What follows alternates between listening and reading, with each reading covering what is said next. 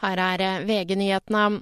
SAS sitt medisinske evakueringsfly nærmer seg nå ferieøya Lankavi. Verken Slottet eller Forsvaret vil svare på om det skal hente kongen. Flyet, som driftes av SAS gjennom en avtale med myndighetene, er et vanlig Boeing 737 passasjerfly som er omgjort til et flyvende sykehus med medisinsk utstyr og sykehussenger. I ett-tiden i natt lettet flyet etter mellomlanding i Emiratene, var nå på vei mot Malaysia. I går uttalte Slottet at de tror kongen kan reise hjem om noen dager. Reporter Andreas Hagen Haakonsen. I Sverige er 18 personer sendt til sykehus etter en brann i en sju etasjer høy boligblokk i Sundbyberg nord for Stockholm. Flere har fått alvorlige røykskader, opplyser politiet.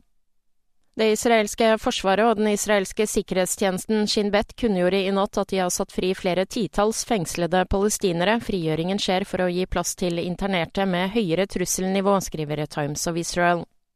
Flere banker gir historisk høye bonuser til sine ansatte for 2023, et år da bankene tjente svært godt. DNBs konsernbonus er på 33 000 kroner, skriver Finansforbundets medlemsblad Finansfokus. I studio, Kristin Strand, nyhetene får du alltid på VG.